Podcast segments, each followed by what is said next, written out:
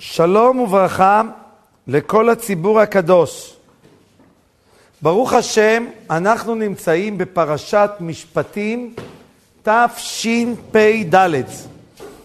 הפרשה והמצווה הראשונה שמתחילה התורה לאחר מתן תורה, המעמד המרגש של מתן תורה, היא מדברת על אדם שגנב ולא היה לו כסף לשלם את הגניבה והוא נמכר לעבד וכמה כל הלכות עבד עברי, מה ההלכות שיש לו.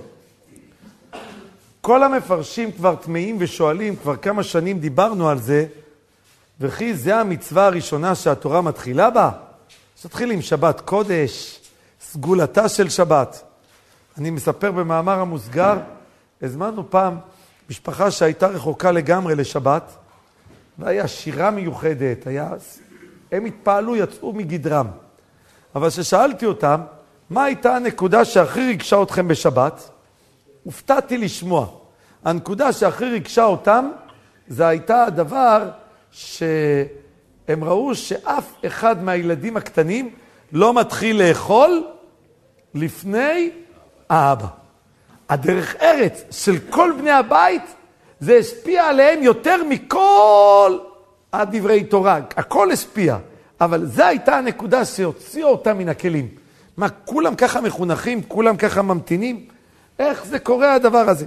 אבל נחזור. אז התורה הייתה צריכה להתחיל במצוות היפות, בשבת קודש. למה היא מתחילה, למה היא מתחילה בנושא של, אה, של עבד עברי? אז אני רוצה בסייעתא דשמיא לומר, אה, אה, אני רוצה לומר לכם בסייעתא דשמיא הסבר מאוד מאוד יקר. תסתכלו טוב. יש פה עבד אדיר. קודם כל, תראו מה זה בן אדם לחברו. תשמעו כמה הלכות, איך צריך להקפיד על כבוד של גנב. תקפיד. האדם הזה גנב, אין לו כסף לשלם. בואו תשמעו את ההלכות שיש בו. הדבר הראשון, האדון מצווה לזון את העבד. לדאוג למזונות לעבד, לא רק לעבד עצמו, אלא הוא נותן מזונות גם לכל אשתו הישראלית והילדים הישראלים שלו. הוא צריך לדאוג מזון לכל המשפחה, לסדר אותו בפרנסה. ב', כתוב בו לא תעבוד בו עבודת עבד. אסור לתת לו מלאכות של ביזיון. אל תגיד לו תחצח לי נעליים. אל תגיד לו עבודות של ביזיון. תן לו עבודות מכובדות. הלוא הוא גנב, הוא צריך לשלם. אני רוצה עבד, אני רוצה משרת. לא, הוא עבד עברי, הוא יהודי. גוי, עבד כנעני, אתה יכול לבקש. עבודות. זה קניתי אותך, תנקה לי את הנעליים, תסדר. ממנו, אני ראיתי נידון בפוסקים, מותר לבקש לנקות שירותים, לא. נידון שלם גם על, על, על דברים כאלה. הדבר השלישי, לא תרדה בו בפרך. אתה לא צריך כוס מים, אל תבקש. תחליט שאתה צריך, תבקש. אין לבקש סתם דבר בלי שאתה צריך אותו. לא די בזה, כי טוב לא יימך.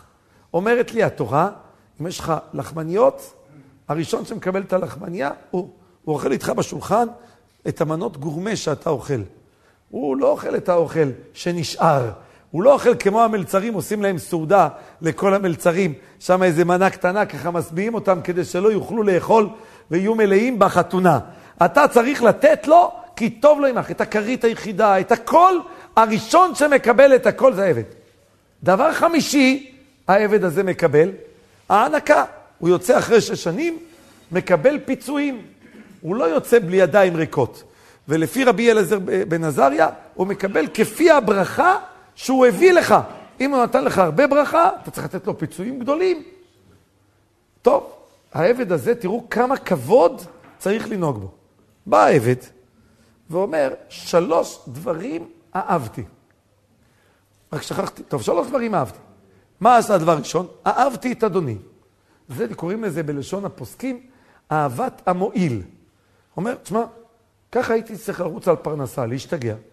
העסקתי בוס מצוין, הוא לא רודה בי, הוא לא עובד בעבודות ביזיונות, זן את אשתי הישראלית, יש לי פרנסה מסודרת, אני אוהב אותו. תן לי ראש שקט, אני רוצה להישאר איתו. אהבתי את אשתי. נכון, יש לי אישה ישראלית, אבל התאילנדית הזאת מוצאת חן בעיניי. הוא אוהב את ההנאה הרגעית.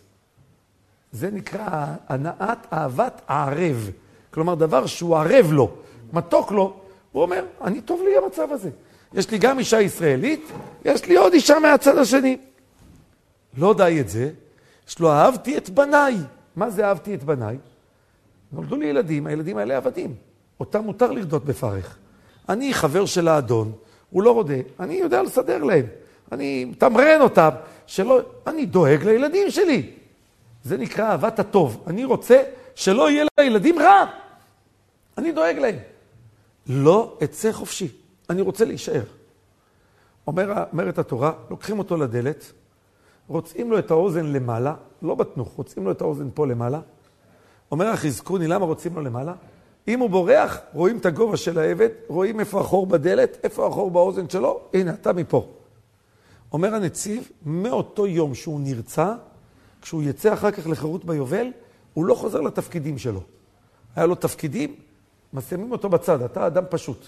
אם הוא היה יוצא אחרי שש שנים, חוזר לתפקידים שלו. ורצה אדוניו, אומרת המחילתא, מביא את זה גם הנציב, מי צריך לרצות אותו? האדון, לא שליח. אתה סומך עליי? תסמוך על הקדוש ברוך הוא. יש לך לבחור במי לבטוח, בהשם או בבוס שלך. אתה אומר אהבתי על הבוס, אתה לא אומר אהבתי את השם. על זה, תראה מה קורה לו. הוא עובד עד היובל. עכשיו יכול להיות עשר שנים שיגיע עד היובל, יכול להיות עשרים, יכול להיות חמישים, המקסימום חמישים. כשהוא יוצא ביובל, הוא עוזב את אשתו, עוזב את ילדיו, עוזב את הכל, הוא עוזב את כולם בלי כלום. תחשבו מה זה. הוא עוזב את כולם כשהוא מבוגר, שעכשיו אף אחד לא יכול לקחת אותו. הוא לא חוזר לתפקיד. אומרים לו, מה רצית? רצית לצאת?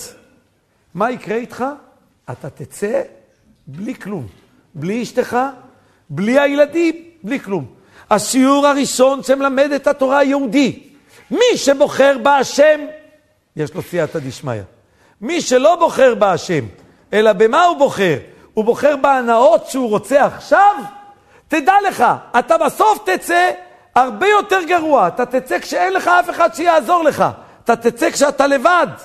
זה בדיוק התורה מלמדת אותנו. כמה יהודי צריך לדעת. כשיש לך החלטה במי לבחור, תדע במי לבחור. אני הולך עם הקדוש ברוך הוא. אני רוצה להביא לכם, יש לנו שלוש אהבות כנגד שלושת הדברים האלה. אומר לו האדון, תאהב את השם, הוא יזון אותך. הוא המועיל. מי יעזור לך? זה אהבת השם. אהבה השנייה, אהבת התורה. וערב נא השם אלוקינו. כשאדם אוהב את הלימוד תורה, זה מוריד לו את כל החשק מהתאוות האסורות.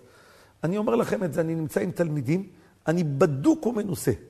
כל פעם שיש להם חוויות רוחניות, הם נהנים פי כמה מכל החוויות הגשמיות, הגופניות.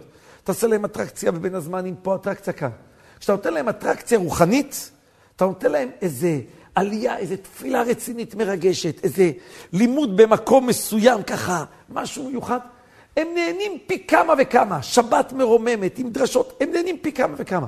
זה אהבת התורה, היא באה לתקן את אהבת השלישית. ואהבת ישראל, אתה רוצה להיטיב, תטיב ליהודים. יש לך יהודי שאין לו מה לעשות, תטיב לו. על זה דרשו רבי ישראל מסלנט, כתוב פרשת השבוע, ונקרב בעל הבית אל האלוקים, אתה יודע איך מתקרב אדם פשוט, בעל הבית אל האלוקים? אם לא שלח ידו במלאכת רעהו. שהוא בן אדם לחברו, שהוא לא מזיק לשני, שהוא לא פגע באיזה חבר, שהוא לא שלח ידו במלאכת רעהו, שם הוא נקרב אל האלוקים. זה השיעור שהתורה התחילה מיד אחרי מתן תורה. לפני כל המצוות. אין, ליד, אין אדם שאין לו החלטות בחיים, כל הזמן צמתים. במי אתה בוחר? בוחר בהשם או לא? אני רוצה לספר לכם סיפור ראשון. ישנו נהג מונית. נהג מונית עומד כל יום בניסיון הזה בחוש. כל יום הוא מביא את הפרנסה של אותו יום. יש לו שיעור, שיעור קבוע. מגיע לקוח, הגיע אליו לקוח, רוצה אותו לשיעור, בנסיעה לירושלים. אתם יודעים מה זה נסיעה הלוך חזור ירושלים? זה 600 שקל, ככה. הוא נוסע בבני ברק 20 פעמים בשביל 600 שקל. שלוש... פה הוא מקבל נסיעה כמו מלך. הוא אמר, במי אני בוחר שיעזור לי בפרנסה? בקדוש ברוך הוא באו. הוא בחר בקדוש ברוך הוא. אמר לו, אני מצטער, אני בזמן של השיעור שלי לא נוגע. אמר לי, אתה כזה עקרוני, אני הופך אותך להיות נהג קבוע שלי. כל פעם שאני צריך נסיעה. והוא האדם מאוד עשיר, והוא נוסע עם מוניות בכל המקומות בארץ, הוא אומר שהוא הרוויח פי כמה וכמה. בחרת בהשם, אתה תקבל סייעתא דשמיא. הסיפור השני מאוד ריגש אותי. היה שיעור שלמדו במסכת, בדף היומי, מסכת סוכה. אתם יודעים, גמרו את המסכת ורצו לעשות סיום מסכת. וביום הזה לא הסתדר לזה, למחרת לא הסתדר לשני, אחרי שלושה ימים לא הסתדר לשלישי. בקיצור, צריך לעשות סיום. לא צריך להתחשב בכל אחד. אבל כולם למדו בשיעור. עוברים מאחד לאחד, שבועיים נדחה הסיום. אמרו, די, סוגרים, הסיום היום. הם באים לעשות את הסיום מסכת, הרב, המגיד שיעור, לוקח את הגמרא, הוא פותח את הגמרא כדי להגיד את הסיום. הוא רואה בדף הראשון את המדבקה שהם הדביקו את התורם. הגמרות שסוכה נתרמו על ידי משפחת זו וזאת, לעילוי נשמת רב צבי אלימלך, שנפטר בכ"ו טבת. באותה שנה. היה אדם שנפטר, הם למדו מסכת סוכה נשמתו בשנה הראשונה. הוא רואה כ"ו טבת, היום זה כ"ו טבת. אנחנו חשבנו שנדחה הסיום שבועיים בגלל האיש הזה, בגלל האיש הזה. אני הייתי עוצר בסיפור פה, אבל המגיד שיעור, זה לימד אותי, תראה, החליט לשמח, התקשר לבן שתרם את הגמרות, הוא יהודי מחו"ל, התקשר אליו ואומר לו, תשמע, אני רוצה לספר לך את הסייעתא דשמיא, גמרנו את מסכת סוכה לפני שבועיים, אבל הסיום יצא בדיוק ביום היורצייט של אבא שלך. היורצייט הראשון. אומר לו, אתה לא מבין כמה אתה משמח את אימא שלי האלמנה. אומר לו, מה? אומר לו, תשמע את הסיפור. אבא שלהם נפטר בחו"ל. עד שמשחררים את הגופה בחו"ל לוקח זמן. לקח שלושה ימים עד כ"ט טבת שהביאו את הגופה מארצות הברית לארץ לקבורה. הם שאלו, מתי הם יעשו 12 חודש? האם בכ"ו טבת שהוא נפטר, או ביום שהם התחילו לשבת שבעה, זה ביום שהוא נקבר, כ"ט טבת. אמר להם הרב, אני לא נכנס להלכה, שבשנה הראשונה הם צריכים לעשות את זה 12 חודש מיום הקבורה, כ"ט טבת. האימא הייתה מאוד מצוברחת. הגיע כ"ו טבת, יום פטירת בעלה, לא עושים כלום. היא אומרת להם, מה אתם לא עושים כלום? הם אומרים לאמא, אמא, אל תדאגי. עוד שלושה ימים אנחנו עושים את כל הסיום, עושים אה, סיום רציני, עושים צום. אומרת האמא, אבל זה לא יכול להיות שביום שהאבא נפטר אתם לא עושים כלום. והנה הקדוש ברוך הוא גלגל, שביום שהוא נפטר, אתם עשיתם סיום מסכת, שיעור שלם בגמרות שתרם, שתרמו לעילוי נשמתו. האמא תהיה מאושרת. עשו סעודה, ברכות לעילוי נשמתו, הכל. תראה מה זה. הוא כל כך התרגש, שהוא תרם להם את כל ש"ס סוטנשטיין, ותרם לכל הבית כנסת את כל הש"ס כולו, שיהיה להם שם את הזה, שיהיה להם בשפע, אמר להם אני נותן. אם הקדוש ברוך הוא זימן על שיעור אחד, אם אתה בוחר בהקדוש ברוך הוא, הקדוש ברוך הוא ידאג לך. זה הסוד שכתוב פה. כשאתה יודע במי לבחור, זה ההחלטות שבחיים, שכל יהודי עומד. יש לך שאלה במי לבחור. אני בוחר בהשם. מה השם רוצה ממני? אני רוצה להביא לכם דבר מאוד יפה. כתוב בתורה ככה, היה מלמד בתלמוד תורה בירושלים, שהמלמד הזה קראו לו רב אברום דוד יעקובזון. היה מלמד בתלמוד תורה עץ חיים בירושלים. הוא לימד פרשת משפטים, והוא דילג על שלוש פסוקים של כל אלמנה ויתום לא תענון. קיצור. אחרי שבוע חזר על השלוש פסוקים. שאלו התלמידים, למה הרב דילג את הפסוקים, המשיך והרב חזר? הוא אומר, כשהוא בא ללמוד את הפסוקים האלה, הוא אומר, אני אמרתי, אני קורא, כל אלמנה ויתום לא תענון. אני עשיתי משהו לטובת אלמנה ויתום? אני דאגתי להם? לא דאגתי להם כלום.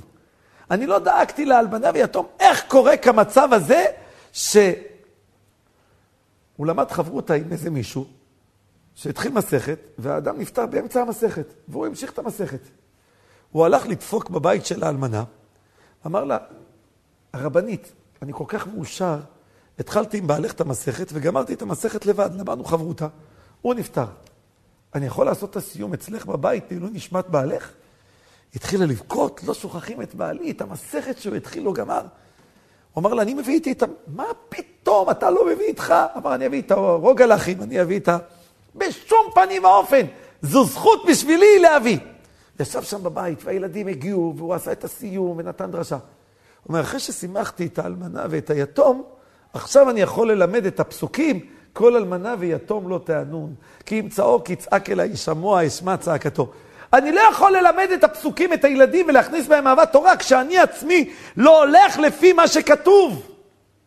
כמה אדם צריך להיות ערני, להרגיש את הצער של השני, להרגיש מה ירגש אותו, מה ייתן לו. תדעו איזה סייעתא דשמיא, איזו זכות יכולה להיות לכל בן אדם כשהוא יודע לבחור, לשבת, לשמח את השני ולתת לו.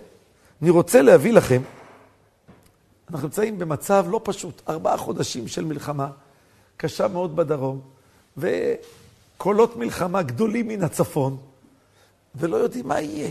אתה לא רואה סוף, אתה לא רואה איך גומרים את הסיפור הזה. יש אור החיים הקדוש נפלא בפרשת השבוע. האור החיים הזה, כל אחד מאחד מאיתנו צריך לדעת. יש לו שלוש מערכות איך להסביר את הפסוקים האלה. יש לו מערכה אחת דרך רמז. בוא נגיד, כי ימכור איש. מי זה איש? זה הקדוש ברוך הוא, השם איש מלחמה. את ביתו, מי זה הבת של הקדוש ברוך הוא? זו כנסת ישראל. למה? הם חטאו, מכר אותם לאיזה משועבדים להיות עמה. אומרת התורה, לא תצא כצאת העבדים. צריכים לצאת אחרי שש שנים. מה קורה? הם המשיכו לחטוא. עברו שש שנים, המשיכו לחטוא. מה הוא צריך לעשות? לוקח אותה הקדוש ברוך הוא לייעד אותה, אבל הוא לא מרוצה מהם. מה הוא עושה? ואם אחרת תיקח לו אישה. הוא אומר, אתם לא מתנהגים טוב. אומר האור החיים הקדוש, אתה רואה בשוויץ, מדינה מפוארת, גינות יפות, הם לקחו את כל השפע מארץ ישראל. כל מה שיש לאומות, זה מה שהיה של ארץ ישראל. אם אחרת תיקח לו אישה, את כל הדברים שאתם רואים היום בחוץ לארץ, המקומות היפים, את הכסף, את העושר, תדעו שהכל שייך לנו. רק למה לא קיבלנו את זה? אומר האור החיים, כי חטאנו. אנחנו מבקשים מהקדוש ברוך הוא, ריבונו של עולם, אנחנו אבל, הבת שלך, אשתך, שלוש דברים אתה חייב לתת לנו. שארה, אוכל, מזון, תן לנו. כסותה, תן לנו בגד ללבוש כפשוטו. אומר, ועונתה, מה זה עונתה? שכשנקרא אל השם, נתפלל, תענה לנו. את זה לא יגרע, את זה אתה צריך לתת לנו. ריבונו של עולם, תמיד שנתפלל, תענה לנו. לפני שאני ממשיך, כותב רבנו בחיי בפרשת בשלח, משהו מדהים. בואו תראו מה זה כוח התפילה. אומר רבנו בחיי, שכתוב ויחלוש יהושע את עמלק. הוא אומר, את תמיד בא לרבות. את מי הוא בא לרבות? הוא אומר, כשיהושע יצא למלחמה הוא התפלל, ומשה רבנו הרים את ידיו, וגם הוא התפלל. שתיהם התפללו. אתם אומרים, מה הם גרמו?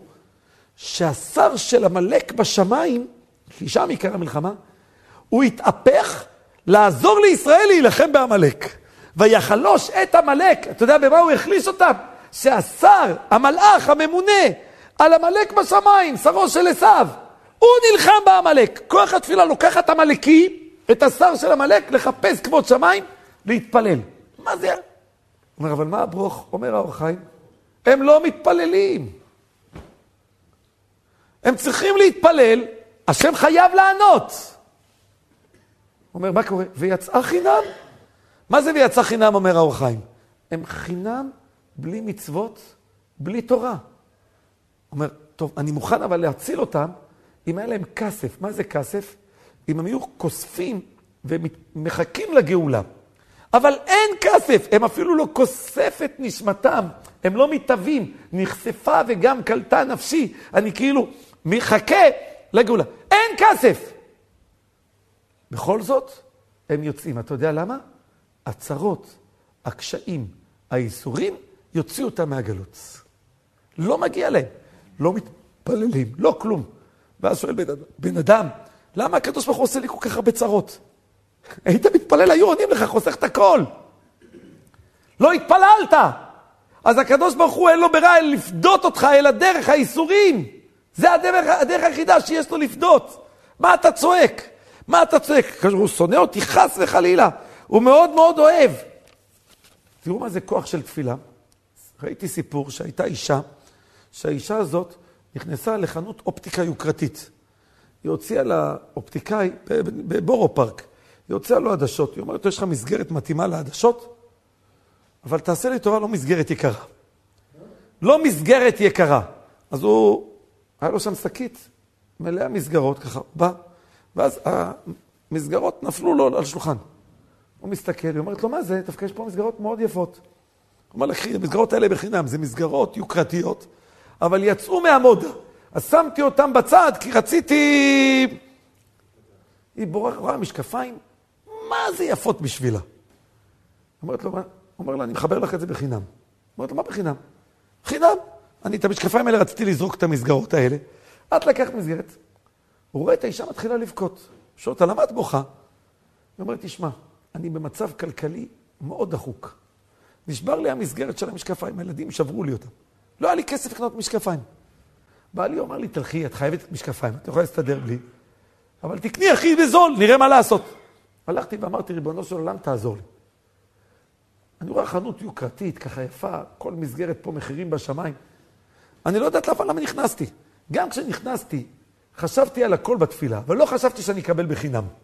ותראה שהתפילה שלי הועילה לי יותר ממה שציפיתי שהיא תענה לי. התפילה שלי, נעניתי בצורה כזאת שקיבלתי את המשקפיים בחינם, יפות, בלי לעשות כלום. אני בוכה שלא ידעתי כמה הקדוש ברוך הוא אוהב אותי. אדם רואה משקפיים נשברו. המשקפיים נשברו כדי שתקבלי משקפיים חדשות, יפות בחינם. שזה הם נשברו. לא כי הוא לא אוהב אותך, זה בדיוק הפוך. אני רוצה להוסיף לכם, התקשר ליהודי תלמיד חכם שקוראים לו הרב יהושע כהן, הוא אמר לי שמקור האור החיים הזה זה אור החיים אחר בספרו ראשון לציון. בשולחן ערוך יורה דעה, סימן רנ"ב. הוא כותב סדר קדימות את מי אדם צריך לפדות. יש לי לפדות פדיון שבויים. מי לפדות? איש, אישה. אז כתוב כל מיני דרגות. אישה קודמת לאיש, אם זה לא עניין של מוות. אישה קודמת לאיש, כי ביזיונה מרובה. אמו קודמת אפילו לאביו ורבו, ואשתו קודמת אפילו לאימא שלו. אשתו הראשונה. אומר האור החיים, למה? אומר, כי אישה, אתה התחייבת לה בכתובה. אתה משועבד לה, זה לא קשור לקדימות. אתה משועבד לה. הוא אומר, כשהקדוש ברוך הוא בא ונשא את עם ישראל לאישה, כנסת ישראל, הוא כאילו מחויב לפדות אותנו מן הצרות. אז גם אם אנחנו לא ראויים, הקדוש ברוך הוא פודה אותנו. זה האור החיים שנמצא בפרשת השבוע, איך שהקדוש ברוך הוא פודה את כל יהודי ויהודי. אני רוצה לספר לכם, הלכתי השבת, פגשתי אברך, אני מכיר את שם המשפחה, אבל לא ביקשתי ממנו רשות להזכיר את שם המשפחה. הייתה בחורה שלמדה בסמינר, שהייתה בשידוכים. היא שמעה על בחור מסוים, משפחה שהיא הכירה, היא הציעה לחברה שלה, טובה, אומרת, הבחור הזה נראה לי מאוד יתאים לכם. היא מציעה את ההצעה, האמא רושמת את הפרטים, מתקשרת לחברה, נו, מה קורה? היא אומרת, תשמעי, לא, לא, לא, לא, לא כל כך נראה לנו, לא, תעזבי, אל תדברי איתם. אל תדברי כלום. אומרת, למה? אבל זו הצעה מצוינת. אל תדברי. עוברים שבועיים וחצי, החברה הזאת מתקשרת, אני מתארסת היום בלילה. עם מי את מתארסת? עם הבחור שהיא הציעה. מה היא הבינה? שאבא לא רצה שהיא זאת שתהיה השטחנית, הוא רצה מישהו אחר, ניער אותה, ולקח מישהו אחר שיציע את השידוך. כל אדם היה נפגע. ככה אתה מנער אותי, ככה אתה עושה לי. ב', מגיע לי דמי שידוך בתור מי שזרק את השם. מגיע משהו. הם אפילו לא טרחו להציע. היא ככה מאוד מאוד הייתה פגועה, אבל היא הולכת לאירוסין של החברה הזאת, ויושבת באירוסין, ושמחה בוורט, ואומרת, העיקר שהתארסה, אני שמחה בשמחת חברתי, גם אם אני הפסדתי. זאת אומרת, שישבה שם באירוסין, המשפחה השנייה ציפתה שיתקבלו טלפון. אתם לא מתביישים, למה זה? והם רצו להתחיל להתנצל, רצינו שטחן חשוב, שזה יכבד את המשפחה. היא אפילו לא מתקשרת. ישבה שם באירוסין דודה של, ה... דודה של הבחורה הזאת. היא ראתה את הבחורה שהציעה את השידוך. היא אומרת, שואלת את הכלה, תגידי, מי זאת? אומרת, מה, יש לה מידות מעלות. תשמע, היא הציעה שידוך, היא הייתה צריכה להרים טלפון, לשאול, אפילו לדבר היא לא דיברה. היא אומרת, עם כאלה מידות אני רוצה אותה, תציעי את השידוך. היא התחתנה עם הבן של, ה... של הדודה הזאת. היא אומרת, לא רק התחתנה, בסוף בעלה שידך לבת דודה שלו עוד שידוך. שתי, שתי אחים במשפחה התחתנו בזכות השתיקה והוויתור הזה. זה בדיוק יהודי צריך לדעת. יש לך שאלה במי לבחור? בכעס? במרמור? אני רוצה להרוויח, מה אתה עושה לי? עוזר רצון השם. הוא רצה שמישהו אחר יעשה את השידוך. הוא רצה ש... כשיהודי בוחר בהשם, בסוף מגיעה לו ברכה. זה אדם צריך תמיד לדעת. פרשת משפטים מלמדת כל יהודי ויהודי, בכל מקום שהוא הולך, בכל צומת שלו בחיים. את מי אתה בוחר? אתה צריך לבחור. אתה עם השם או לא עם השם? אני אומר את זה במעמד המוסגר, אני אומר פה, רב גרשון אדלשטיין אמר עצה לבחורות מעוכבות שידוך. ניגשו אליו, אמרו לו, רב, אנחנו לא יודעים מה לעשות.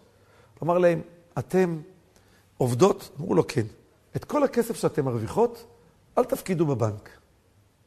אתם רואים שיש עליכם איזה מידת הדין, איזה קפידה, שמונעת את השידוך. אתם צריכים חסד מן השם. תפקידו את כל הכסף הזה בגמח, והגמח יעשה עם זה הלוואות, ואז אתם עושים חסדים עם מישהו אחר, הקדוש ברוך הוא מידה במידה יעשה איתכם חסד, גם כשלא מגיע לכם. אני לא יודע למה. אמר להם, תפקידו את כל המשכורות שיש לכם, במקום בבנק, תפקידו אותו בגמח. חסד, תקבל חסד. זה נקרא עוד פעם. אני רוצה אבל להרוויח על הכסף משהו. אני צריכה לקנות דירה. אל ת... תבחרי בהשם. נראה לך שאם תבחרי בהשם תפסידי? את לא תפסידי כלום. זו הייתה עצה נפלאה. אם כבר בעצות עסקינן, אח שלו, רבי יעקב אדלשטיין, שאתמול היה היורצייט שלו, הוא אמר עצה מאוד מאוד יקרה. הוא אמר, תגידי לקדוש ברוך הוא, אני מבטיחה לך שביחידה שאני אקנה, או בדירה שאני קונה, אני קונה מיטה להכנסת אורחים. שיהיה לי אורח שלא יהיה לו איפה לישון, אני מכניסה אותו לישון אצלי בבית. אני נותנת לו מיטה. אומר, אז הבית שלך הוא לא בית שלך, בית של השם. ובית של השם, הוא צריך לדאוג לו. תגידי, אני מתחתנת, אני קונה מיטה לקבל את זה, שיהיה לי מקום להשכיב אורחים. ככה הוא היה אומר עצה יקרה, היה אומר רבי יעקב אדינשטיין, גם כן למצוא את הדבר הזה. טוב, עכשיו אני רוצה להביא לכם דבר מאוד מאוד מעניין. אלה המשפטים. מה זה? אלה הדינים. למה קוראים לזה משפטים? כל מה שקורה לאדם בעולם, כל הצרות, כל הנזקים, כל הפרשה מלאה נזיקים, כל הנזקים שקורים, כי השם רחוק ממנו. רב חיים קמיל אמר, קחו ילדים קטנים, ככל שהם יותר קטנים הם תמיד שמחים. כשהם גדלים, אתה רואה אותם מתחילים להיות ממורמרים. כשהם מבוגרים, לא מפסיקים להתלונן. כשהם זקנים, מקטרים על כל העולם. הוא אומר, מה זה? הוא אומר, ההסבר פשוט. הוא אומר, כשהם קטנים, הם לא משקרים. מי שלא משקר, הקדוש ברוך הוא נמצא איתו. מי שהקדוש ברוך הוא נמצא איתו, הוא שמח. כשמתחילים לגדול, מתחילים קצת עם שקרים. אז מתחילים קצת להיות עצובים. כשגדלים יותר, דובר שקרים לא ייכון לנגד עיניי. אומר הקדוש ברוך הוא, איתו אני לא מדבר. עכשיו אני רוצה להראות לכם חשבון קטן, תלכו איתי, ראיתי אותו בשם רב מוישה בויר, הסביר הסבר מיוחד. יש לנו ארבע אבות נזיקים. שור, זה בהמה שלי. היום במושגים שלנו זה לא שור, זה כלב שלי שהלך והזיק, נשך, עשה משהו. זה שור, ממון שלי הזיק, המכונית שלי הידרדרה והזיקה. בור, יש בור, יש שן, הבהמה שלי אכלה אוכל של מישהו אחר, הזיקו לו, קרה לו משהו, ויש אש. לא שמרתי על אש, הלכה האש ושרפה מקום אחר. הוא אומר, למה קוראים ארבעה נזיקים האלה? הוא אומר, ארבעה נזיקים האלה קוראים כי השם מסתלק מאיתנו. ממי השם מסתלק? יש ארבע כיתות שלא רואות פני שכינה. מי הם ארבע כיתות שלא רואות פני שכינה? שהשם אומר, איתם אני לא מסתדר? חשמל. ראשי תיבות חשמל. מי זה חשמל? חנפנים, שקרנים, מספרי לשון הרע, ולמד זה ליצנים. עכשיו, רוצים לראות איתי? תראו איתי משהו מדהים. יש ארבע, עכשיו, כל אדם רואה איפה שקורה לו נזק, במה שקורה לו נזק, זאת אומרת שבמידה הזאת הוא פגום. אז מה הוא צריך לתקן? את המידה הזאת. כשהוא מתקן את המידה הזאת, המשפטים מסתלקים ממנו. כאילו, אומרת לך התורה, תבדוק, אלה המשפטים אשר טסים לפניהם, שכל אחד יבדוק איפה קוראים לו הבעיות. איפה שקוראים לו הבעיות, את זה הוא צריך לתקן. נתחיל. אומר, יש ארבע יסודות בבריאה, ארבע דברים שמרכיב את הבריאה. אש, רוח, נושמים כל הרוח, מים ואדמה. אז נתחיל. אומר, השור, יש בו רוח חיים. הוא נוסע, הולך ממקום למקום. אתה צריך לשמור אותו, שלא ילך, שלא יזיק. זה כנגד הרוח. הוא אומר, מה המידה שלו? זה הדיבור, זה מספרי לשון הרע. אלה שהולכים, מרחכים כמו עיתונאים, מה קורה אצלו, מה קורה אצלו, רץ מזה לספר לזה, רץ לספר לזה. זה בעל לשון הרע, זה המספר. תדע לך, אם קורה לך נזקים ששור הזיק אותך, כלב נשך אותך, קרה את הסיפור הזה בבית, שקרה לך שממון של השכן הזיק, תדע שאיפה התחילה הבעיה. הוא אומר, איזה מיטה נגד הרוח? מיטת חנק. יש ארבע מיטות בית דין, חונקים את הבן אדם, מה לוקחים לו? את הרוח. זה מי שאדוק באותו חטא. הוא אומר, בואו נראה את זה. בור זה אדמה. מה זה אדמה? זה כנגד יסוד אדמה. הוא אומר, זה עצלן. הקבוע, לא זז מהמקום. הוא אומר, זה הליצן. למה הליצן מתלוצץ? אני מוכיח אותו, אתה לא מתבייש, תראה מה קורה. אומר ליצנות, אני יכול להישאר איך שאני. העיקר לא לזוז. זה הליצן. למה הוא אומר, לדחות מהתוכחות. אין לי כוח שתגידו לי מה לעשות. אני אעשה מה שבא לי. אתה קבוע במקום, הנזקים של בור, כל התקלות האלה קורים. אומר, מה העונש בעונש מיתה מקביל לחטא של בור, לנזקים של בור? סקילה. זה זורקים אותו, הוא מקבל חבטה בקרקע. הוא נחבט מגובה שתי קומות בקרקע, אחר כך זורקים עליו דומם. זה בדיוק, האבן שמזיקה אותו, אבנו, סכינו, מסור, זה סקילה. הוא אומר, בור זה מי שלא שואף, לא רוצה לגדול. רחמן הנצלן. הוא אומר, מבעה זה שן. מה זה שן? הנאה. הוא אומר, ההנאות זה מי שחוטא בתאוות. מי שהולך. הוא אומר, זה מי זה? זה השקרן. הוא מנסה לקחת מזה, לקחת מזה. הוא כל הזמן מחפש עוד דברים. הוא אומר, זה כנגד המים. המים, כשהם קצת, אתה מתענג בהם. כשהם הרבה, הם שוטפים אותך. אם אדם לוקח את ההנאות של העולם, הם שוטפים אותו בדברים האלה. הוא תמיד, מסתלקת ממנו השכינה. זה השקרנים שמסתלקת. אומר המיתה שכנגד הדבר הזה זה סייף, שאדם נשפך כמים, דוקרים אותו בחרב, אתה רואה, נשפך לו כל אדם, איבד הרבה דם, מת. זה דם. אומר, המזיק הרביעי זה אש, אבער. אומר, מה זה אש? זה כעס. מגיע לי. איך עשית לי את זה? זה גאווה וכעס ביחד. מה עשית לי? הוא נכנס, שורף את השני. הוא אומר, זה המיטה של שריפה. הוא אומר, הוא שורף. הוא אומר, זה העונש של החנפנים. למה הוא מתחנף? כי הוא חושב שמי שיעזור לו זה החבר. ואם הוא היה מאמין באמונה שלמה, שמי שיכול לעזור לו זה רק הקדוש ברוך הוא, הוא לא היה צריך להתחנף, הוא לא היה עושה את זה. אז לא כועס, כי מי שגלגל את המצב הזה זה הקדוש ברוך הוא. מה שמגיע לך אתה תקבל. אז לא היה לו את כל הכעס. כלומר, התורה פה כותבת לנו בפרשה, שאדם מסתכל כל פעולות שקורות לו, כל הדברים שקורים לו בעולם, תתבונן במה היה את הנזק, ואת זה אתה צריך לתקן. כלומר, פה נמצא הנקודה שהוא צריך לתקן. ומי שידע לתקן את זה, הוא מחזיר את השכינה אליו. וכשהשכינה חוזרת אליו, עוז וחדווה במקומו. איפה שהקדוש ברוך הוא נמצא, יש עוז וחדווה. שם נמצא. מספר שהיה זוג שגרו, הבת, אצל ההורים כמה שנים האחרונות של החיים, בבית עם ההורים, והייתה מטפלת, עכשיו אתה יודע, מטפלת לא רק בהורים, כל הבנים שבאים לבקר את ההורים, היא גם צריכה לטפל בהם. והם משאירים את הלכלוך, הם מבקרים, באים, משאירים את הלכלוך והיא נשארת.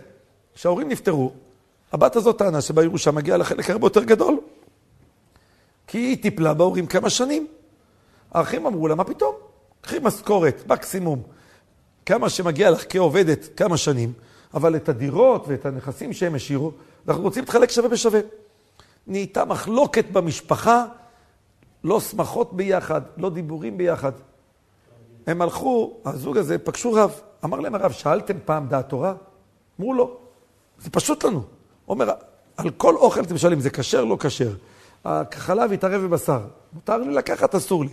אתם שואלים שאלות על כל דבר. חושן משפט זה החלק הכי ארוך בארבעת חלקי השולחן ערוך. החלק הכי ארוך. אתם לא הולכים לשאול? הלכו לשאול רב. הוא אומר להם, פשוט שלא מגיע לכם חלק בירושה יותר מכולם. אין שום דבר. אתם צריכים לקבל כמו כולם. מגיע לך מקסימום משכורת, צריך לבדוק אם לא קיבלת משכורת. כשההורים היו חיים, נתנו לך, מהכסף שלהם נתנו לך יותר, אבל בדירה לא. היא אומרת שמאותו יום שהיא ויתרה, היה לה בן שהתחיל לעשות בעיות בתלמוד תורה, קשיים איתו, ובת שהיה לה פתאום עיכובים בשידוכים. מהרגע שהם התפייסו כל המשפחה, הבן שעשה להם צרות צרורות, פתאום התייצב, והבת המורכבת התארסה. הוא אומר, ואז הבנו שכל הבעיות היו, אלה המשפטים בגלל המחלוקת שעשינו. אלה המשפטים. ובגלל זה בן אדם צריך תמיד להסתכל בכל משפט שקורה איתו, בכל דבר שקורה איתו, כמה מצליחים. אני מסיים. אני מסיים. מאוד התרגשתי פשוט מהרעיון. הייתה אישה שפסקה מללדת, והיא נסעה למירון, לקבר רבי שמעון בר יוחאי. והתפללה, ואמר, ריבונו של עולם, רשב"י, אני מבטיחה לך, אם תהיה מליץ יושר עליי, ואני אזכה לבן, אני אקרא לו שם כשמך, שמעון. זאת אומרת, והיא לפקודת השנה, נולד לה בן. זאת אומרת, אבל כשנולד לה בן, היא לא התחברה לשם שמעון. היא אמרה, אמרתי, שמעון, אני לא בדיוק נדר, זה לא היה בתור נדר, אמרתי שאני אשתדל. היא קראה לבן שלה שם אחר. שם אחר. הבן הזה גדל, שם שהיא אהבה, קרא לו שם אחר. אמרו לה לקרוא שם שני, אמרו לה שם שני, זה לא שמעון, את תפתח שמעון, רבי שמעון זה רק שמעון. את לא יכולה לעשות פה אה, שם שני שהוא נמצא בצד. היא אומרת, הילד הזה גדל, הכל קשה איתו. יש ילדים, לא הולך שום דבר בקלות. כל דבר הולך עם קושי.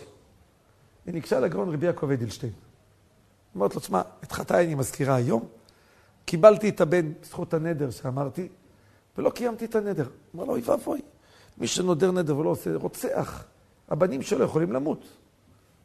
אמרה לו, אז מה אני עושה? מה, אני אחליף לו את השם עכשיו?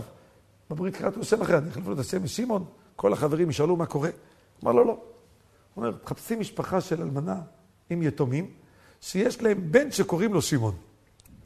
תני להם סכום גדול, לפי הסכום שלהם, הוא ראה 5,000 שקל, לאותם משפחה עם יתומים, ותגידי שהבן שמעון הזה, את משלמת לו את הכסף לכל הצרכים שלו.